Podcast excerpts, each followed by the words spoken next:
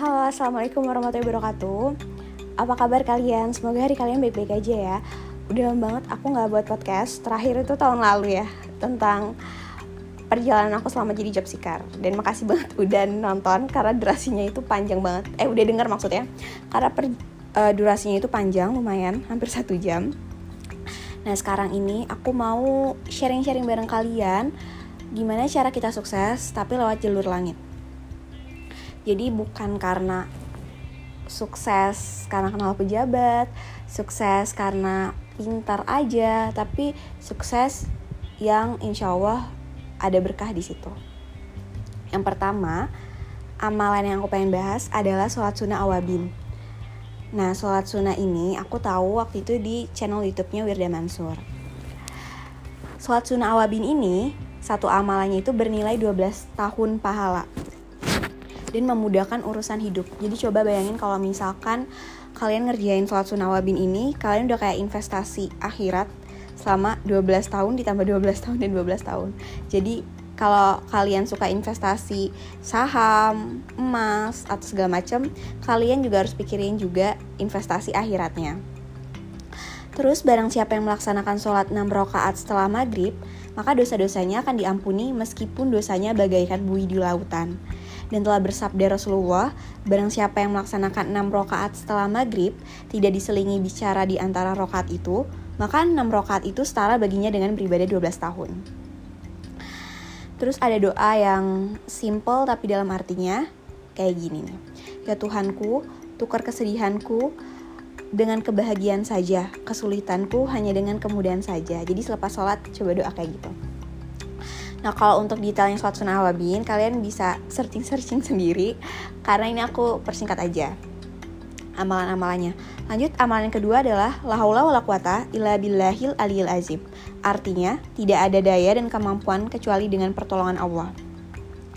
Misalkan kalian nggak sanggup bayar utang, pengen nikah, cari kerja, dan lain-lain, kalian bisa uh, sering-sering membaca la haula wala quwata illa billahil azim karena kita nggak punya daya kemampuan apa-apa kecuali kan dengan pertolongan Allah. Dan kalau misalkan kita berdoa itu, usahain jangan kebanyakan dosa. Karena kenapa? Karena dosa itu penghalang terkabulnya sebuah doa. Dan kita harus bicara perkataan-perkataan baik. Dan doanya lagi yang simpel tapi dalam, Ya Allah, saya titipkan masa depanku kepadamu karena engkau yang maha mengetahui apa pun yang terjadi di masa depan karena kita ya nggak tahu kan masa depan kita akan seperti apa jadi berserah diri kepada Allah. Kemudian jika minta tahu diri apa yang kita lakuin jadi kalau misalnya kita minta ke Allah ya pastiin kita udah usaha sebaik-baiknya. Lanjut amalan berikutnya al-waqiah selama 30 hari. Rutin ya terus-terusan. Sebenarnya membaca surat itu apa pun itu baik semua itu baik.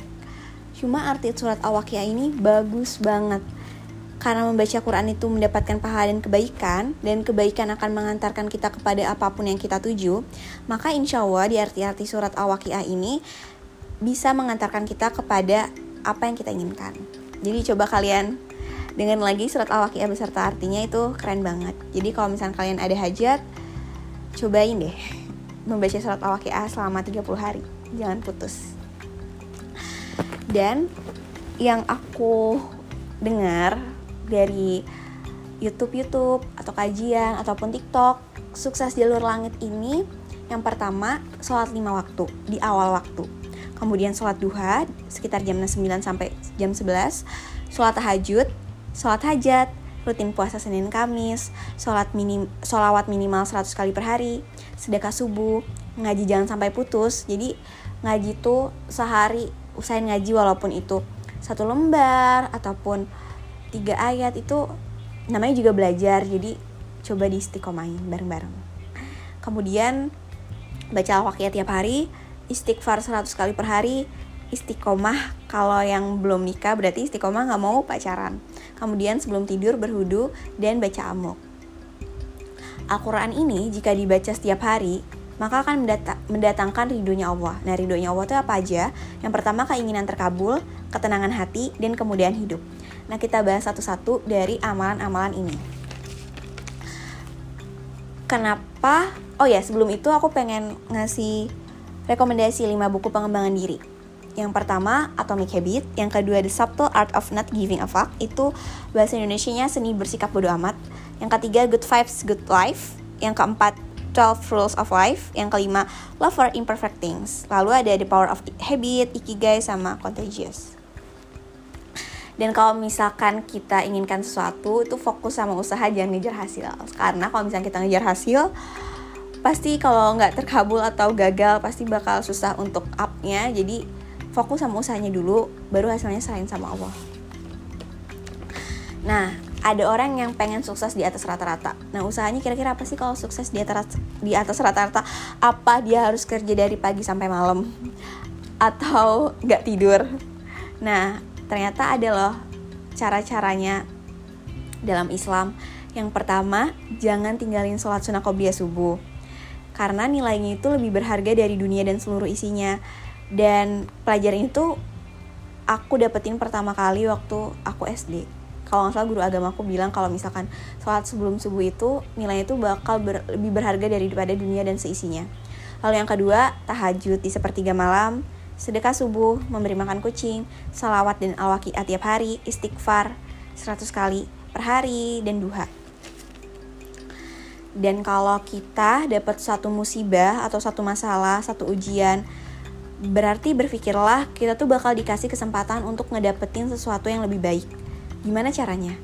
Yaitu berhusnuzon kepada Allah karena aku tergantung prasangka hambaku kepadaku. Jadi kalau kita kadang kan kalau misalnya setiap orang dikasih masalah berpikirnya udah buruk-buruk aja. Aduh ini aduh gue gagal nih aduh nggak bisa gini gini gini gini. Padahal aku tuh nggak suka cara orang berpikiran kayak gitu. Tapi dengan kita berhusnuzon kalau oh pasti bakal ganti yang lebih baik. Karena ya Tuhanku tergantung prasangka hambaku kepadaku gitu. Ya kan Allah tergantung prasangka hambaku kepadaku jadi kalau misalkan kalian berpikir baik bakal diganti yang lebih baik, baik dan baik dan insya Allah itu juga hasil yang kalian dapetin. Beda lagi kalau kalian berpikiran gagal-gagal dan lah gagal ya, itu juga yang kalian dapetin. Kemudian kalau kalian ada persoalan yang kalian anggap kecewa, itu jangan larut dalam kekecewaan. Perangi masalah itu. Boleh jadi yang kamu anggap gak suka, ada kebaikan di dalamnya. Dan yang kamu kejar-kejar, justru ada tidak hal yang nggak baik di dalamnya. Karena Allah itu tahu masa depan, sedangkan kamu tidak bisa baca masa depan. Dan lagi-lagi, never lose hope. Apalagi kalau kamu masih dikasih kesempatan buat berusaha dan berdoa sama Allah. Gak ada yang gak mungkin. Beneran gak ada yang gak mungkin. Karena magic does happen and it happen from us. Believing that magical is real, yet 18% of the magic itself. Itu kuncinya. Kemudian kalau yang tadi kita udah bahas tentang uh, sukses di atas rata-rata itu apa aja dan ini bahas satu-satu detailnya manfaatnya sebenarnya apa aja sih? Yang pertama itu sedekah ya. Sedekah itu berapapun 25% atau 5% karena dengan sedekah Allah akan merawat kamu dan menjadikan dunia itu kerasa kecil. Apa pun yang kamu minta itu akan ada ada ada. Sekecil apa pun atau sebesar apa pun. Dan kamu juga nggak akan melihat lagi dunia. Jadi nggak akan akan-akan dunia itu segala-galanya. Jadi akan kerasa kecil bagi kamu. Karena udah kebiasaan karena ketika dapat rezeki ya kamu sedekahin. Jadi nggak money is number one itu nggak ada. Kemudian hubungkan maunya kamu dengan maunya Allah kalau kamu kejar akhirat maka dunia akan ikut. Beda lagi kalau kamu kejar dunia aja ya akhirat nggak akan ikut. Nah sedekah subuh secara rutin ini akan menghapus dosa mendekatkan diri kepada Allah rezeki lancar doa mudah dijabah. Oh ya sebelumnya aku baca kayak gini itu bukan berarti aku sepenuhnya baik dan melakukan ini semua. Tapi emang ini aku tulis berdasarkan apa yang aku dengar apa yang aku baca. Jadi bisa biar bisa on the track dan aku terus ingat jadi aku tulis dan pengen aja ngebagi siapa tahu hal-hal baik ini nggak cuma ke aku datangnya tapi juga ke kalian juga. Lanjut kalau tadi kemuliaan sedekah, ini kemuliaan sholat tahajud. Nah, banyak ulama yang bilang jangan tinggalkan tahajud. Karena apa? Karena Allah menjamin akan mengangkat karir pekerjaannya di tempat dan ditempatkan di tempat yang terbaik. Dan cara dia bekerja, beribadah dan beraktivitas dibimbing supaya mudah. Dan kalau ada kesulitan, dibimbing supaya keluar dengan lancar. Kalau sedang bekerja, diganggu orang, dan ada yang mau menyingkirkan atau menyudutkan, Allah langsung yang tolong tanpa perantara. Ini Quran surat 17 ayat 79 sampai 81 di surat Al-Isra. Ini aku dapetin dari surat Ustadz Adi Hidayat. Kemudian, kalau tadi udah kemuliaan sholat tahajud, lanjut ke kemuliaan sholawat. Nah, sholawat ini kan pasti sholat kepada Rasulullah, ini udah pasti dapat syafaat di akhirat nanti. Tapi selain itu, kita juga akan dapetin tiga hal, yaitu dikabulkan segala hajat, diampuni segala dosa, dan ketiga, mendapatkan kemudahan dari segala kesusahan. Lanjut, rahasia istighfar. Banyak yang bilang kalau misalkan istighfar minimal 100 kali per hari. Karena ada rahasia di balik itu. Yang pertama, Allah akan turunkan minimal sifat gofar atau sifat, sifat pengampun kepada hambanya. Kemudian yang kedua, Allah akan turunkan keberkahan lewat curah hujan yang lebat. Yang ketiga, Allah akan melimpah luaskan harta benda Anda bahkan keturunan empat keturunan. Lalu yang keempat, kenyamanan atau kemampanan hidup dan kenikmatan hidup. Enak banget kan? Nah, duha juga akan menghilangkan dari musibah yang kita akan hadapi di hari itu juga. Kalau sodako juga melipat gandakan apa yang telah kita dapatkan. Kemudian ada nih orang yang sering baca Al-Baqarah dan Ali Imran sebelum tidur dia baca. Ternyata nanti keduanya itu bisa menjadi pelindung di atas kepalanya saat hisap. Ini sohi di Al-Bukhari dan ini aku dapetin dari Ustadz Adi Hidayat lanjut lagi ya. Uh, banyak juga ulama-ulama yang terus mengulang-ulang jangan tinggalkan tahajud. Karena kenapa tahajud? Karena di tengah malam itu ada peluang untuk menjemput surga dengan tahajud. Dan ketika tahajud ada surga yang telah awas siapkan di taman surga dengan segala keindahannya.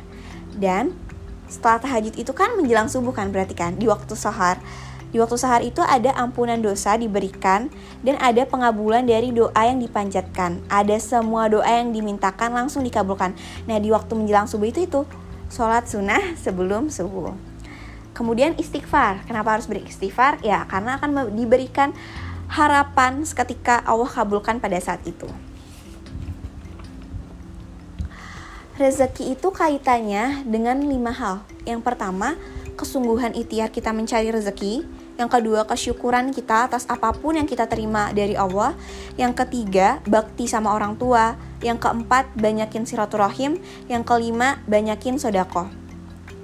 Libatkan Allah dalam apa pun. Libatkan Allah dalam prosesmu. Libatkan Allah apa yang kamu lakukan. Libatkan Allah dalam impianmu. Karena tidak akan terjadi tanpa seizinnya. Apa pun, apa pun yang menjadi takdirmu akan mencari jalannya sendiri menemukanmu. Dari Ali bin Abi Thalib. Dan kata Allah juga, kalau hambaku mampu meningkatkan iman dan naik levelnya kepada takwa, takwanya makin meningkat. Maka aku buka pintu keberkahan langsung ini. Dibuka pintu langit dan bumi untuk memberikan keberkahan kepadanya. Kalau berkah udah dibuka, semua baik muncul. Baik semua muncul di rumah tangga baik, sehingga cenderung tidak banyak masalah. Nafsu juga tertekan, sehingga kebutuhan yang dibutuhkan bukanlah keinginan yang ingin dirahi. Jadi kalau sudah seperti itu kan hidupnya nikmat ya. Jadi semua nggak tertuju sama nafsu dunia, dunia dan dunia. Karena nggak ada tuntutan berlebihan untuk bisa mencukupkan kebutuhan dunia ya dengan cara yang wajar aja. Karena takwa selalu bersanding dengan solusi. Ketika takwanya naik, maka persoalan selesai.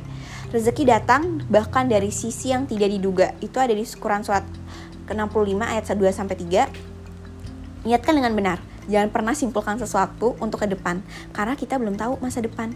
Rezeki adalah rasa yang kita nikmati dan ini benar banget. Rezeki adalah rasa yang kita nikmati. Karena kadang orang berpikir rezeki itu batasannya ada dengan banyaknya uang ataupun apa. Padahal itu salah. Coba nih ya, kalau misalkan rezeki itu uang, hanya sebatas uang. Orang itu kaya, tapi dia sakit. Apakah dia merasakan kenikmatan uang itu? Ataupun makanan yang dihidangkan banyak dan enak-enak. Tapi indera pengecapnya nggak merasakan kenikmatan rasa itu. Nah jadi rezeki itu adalah rasa yang dinikmati bukan seberapa banyak materi itu datang. Kayak gitu. Menurut ini aku sumbernya aku baca dari berbagai yang aku dengar ya. Jadi kalau misalnya salah kalian bisa kasih tahu aku let me know di DM atau di berbagai platform. Dan lagi-lagi ulama itu juga selalu bilang ahli tahajud itu nggak akan mudah sakit hati, nggak akan mudah patah hati, nggak akan pernah pesimis, nggak akan pernah gelisah dan nggak akan pernah jatuh dalam kehidupannya karena tahajudnya melebihi daripada apa pun. Jadi sekian sharing aku tentang amalan-amalan amalan-amalan sukses jalur langit dan semoga kita bisa sama-sama mengamalkannya. Ya udah, sekian dari aku. Semoga bisa bermanfaat buat aku dan buat kamu sama-sama perbaiki diri buat lebih baik. Thank you. Bye bye.